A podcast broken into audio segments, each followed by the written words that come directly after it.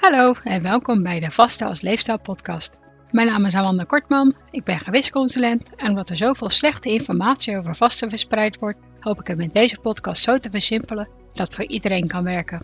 Vasten is namelijk geen hype, maar een onderdeel van een gezonde leefstijl. Je vast al wanneer je langer dan 12 uur niks neemt dan het vasten stopt, dus het is makkelijker dan je denkt.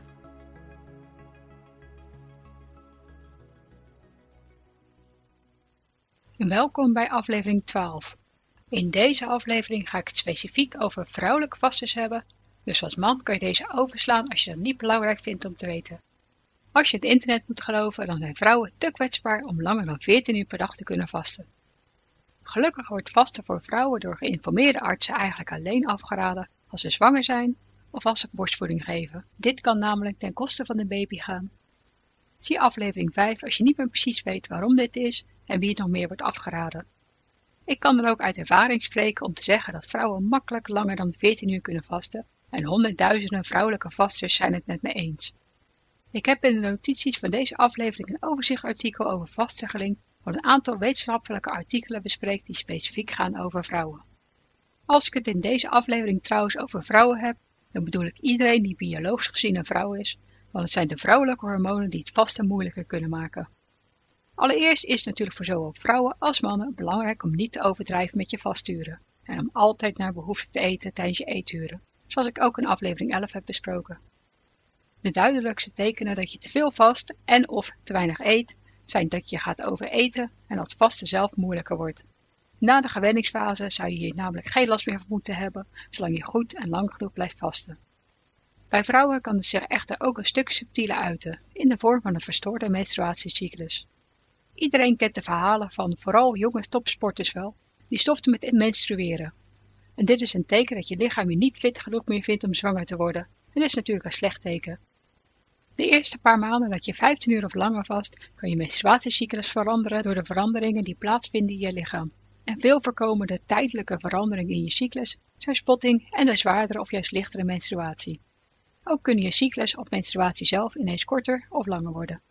Binnen zes maanden hoort alles echt weer stabiel te zijn. En bij velen, zoals ik zelf, verbetert het zelfs. Als je cyclus of menstruatie niet verbetert, of als je twijfelt, dan moet je natuurlijk altijd met je arts bespreken. Houd het dan ook voorlopig even bij 1212 of 1410 en kijk of de symptomen verdwijnen. Vast is een stresser en als je niet bij de groep hoort waarbij het afgeraden wordt, dan kan je natuurlijk nog altijd heel stressgevoelig zijn. Wil je toch weer langer vasten? Bouw je schema dan extra rustig op met bijvoorbeeld een kwartiertje per week. Buiten wat spotting in de tweede en derde maand had ik eigenlijk nergens last van.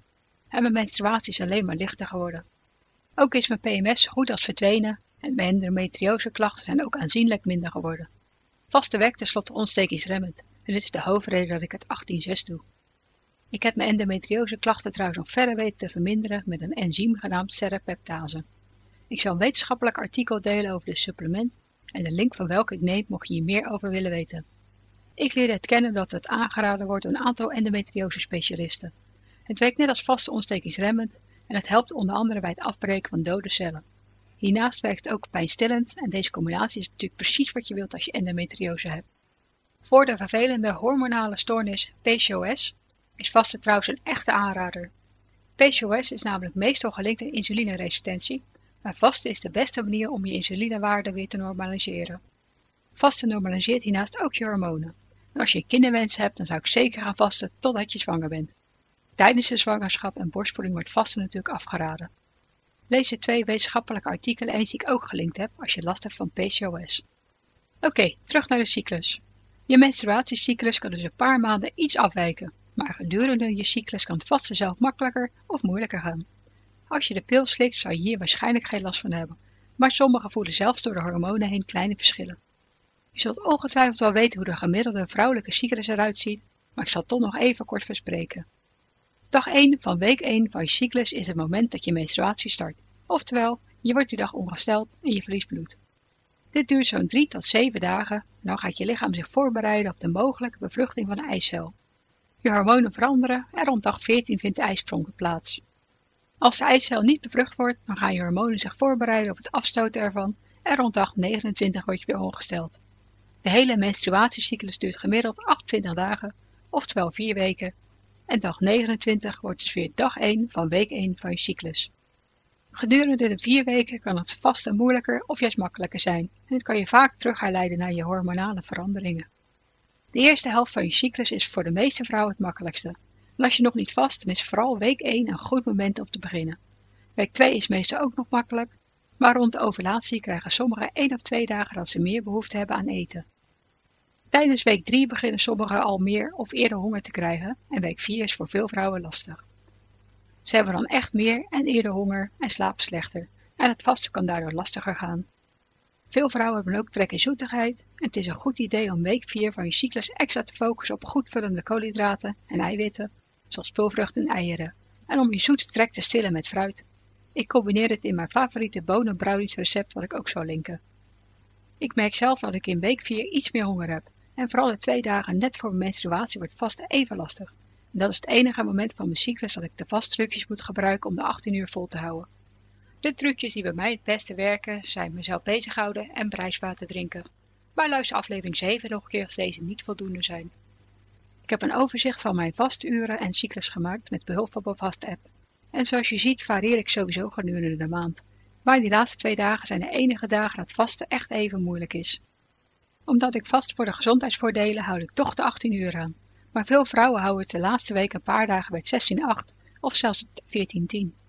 Afhankelijk van je doelen en hoe je je voelt, zou je zelf moeten beslissen wat je doet. Het is in ieder geval heel normaal om voor of net in het begin van je menstruatie meer honger te hebben. En sommigen hebben het dus ook rond een ovulatie. Ik wil je daarom aanraden om je cyclus en vasturen bij te houden als je vermoedt dat dit ook voor jou geldt. Als je opeens meer honger hebt, dan kan dat natuurlijk ook hele andere redenen hebben. Denk maar aan stress, slaaptekort, een heel intensieve training of zelfs het hebben van een nieuwe actievere baan. Ook medicatie en supplementen kunnen honger als bijwerking hebben. Dus lees altijd goed de bijsluiter, vooral als je je nuchter moet nemen. Luister aflevering 8 nog een keer als je vermoedt dat je medicatie of supplementen een probleem zijn. Deze bevatten tenslotte vaak zoetstoffen die het vasten kunnen bemoeilijken. Soms kan je zonder aanwijsbare reden meer honger hebben. En het blijft dan ook belangrijk om altijd naar behoefte te eten. Ik ga het nu nog even over de overgang hebben. De gemiddelde leeftijd dat vrouwen in de overgang gaan is 51 jaar. Maar de eerste tekenen hiervan kunnen al een jaar of vijf ervoor beginnen. Als je dus een jaar of 46 bent, dan kan het ook een oorzaak zijn van veranderende menstruatiecyclus en niet het vasten. Voor en tijdens de overgang zou je daarom echt per dag moeten kijken hoe je je voelt en daar indien nodig je vastuur op moeten aanpassen. Tijdens de overgang is vasten natuurlijk een uitstekend hulpmiddel om in ieder geval niet aan te komen. En er zijn natuurlijk genoeg vrouwen die dan ook gewoon afvallen als ze nog geen gezond gewicht hebben. Veel vrouwen die tijdens de overgang beginnen met vasten, merken dan de overgangsklachten verminderen. Dus dat maakt het ook nog eens de moeite waard. Ze hebben dan vooral minder opvliegers, slapen beter en ze voelen zich mentaal vaak stabieler. Wat vasten voor je hersenen en mentale gezondheid doet, ga ik in aflevering 16 bespreken. Botontkalken is vooral voor vrouwen na de overgang een probleem, hoewel het natuurlijk ook eerder kan beginnen en bij mannen kan voorkomen. Vasten zorgt er echter niet alleen voor dat je makkelijke spieren aanmaakt, zoals ik in aflevering 10 heb besproken, was dus ook nog goed voor je botdichtheid. De natuurlijke verhoging van het groeihormoon tijdens het vasten is namelijk ook goed voor je botten.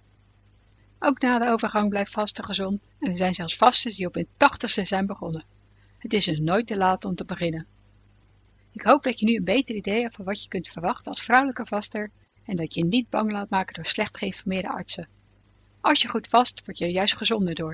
En het is echt niet erg om af en toe korter te vasten, omdat je lichaam dat op dat moment nodig heeft. Luister goed naar je lichaam en luister naar vorige aflevering van een podcast als je ergens over twijfelt. Je mag me natuurlijk ook altijd appen of mailen.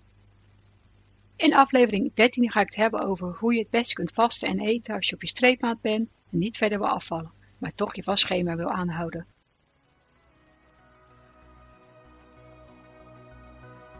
Bedankt voor het luisteren en vergeet niet dat je de onderwerpen en bronnen altijd in de omschrijving van de aflevering kunt vinden. Heb je vragen of opmerkingen? Of heb je behoefte aan persoonlijke begeleiding? Kijk dan op valerie.nl voor meer informatie. Weet je niet zeker of sommige tips of adviezen ook voor jou geschikt zijn? Bespreek ze dan natuurlijk altijd met je arts.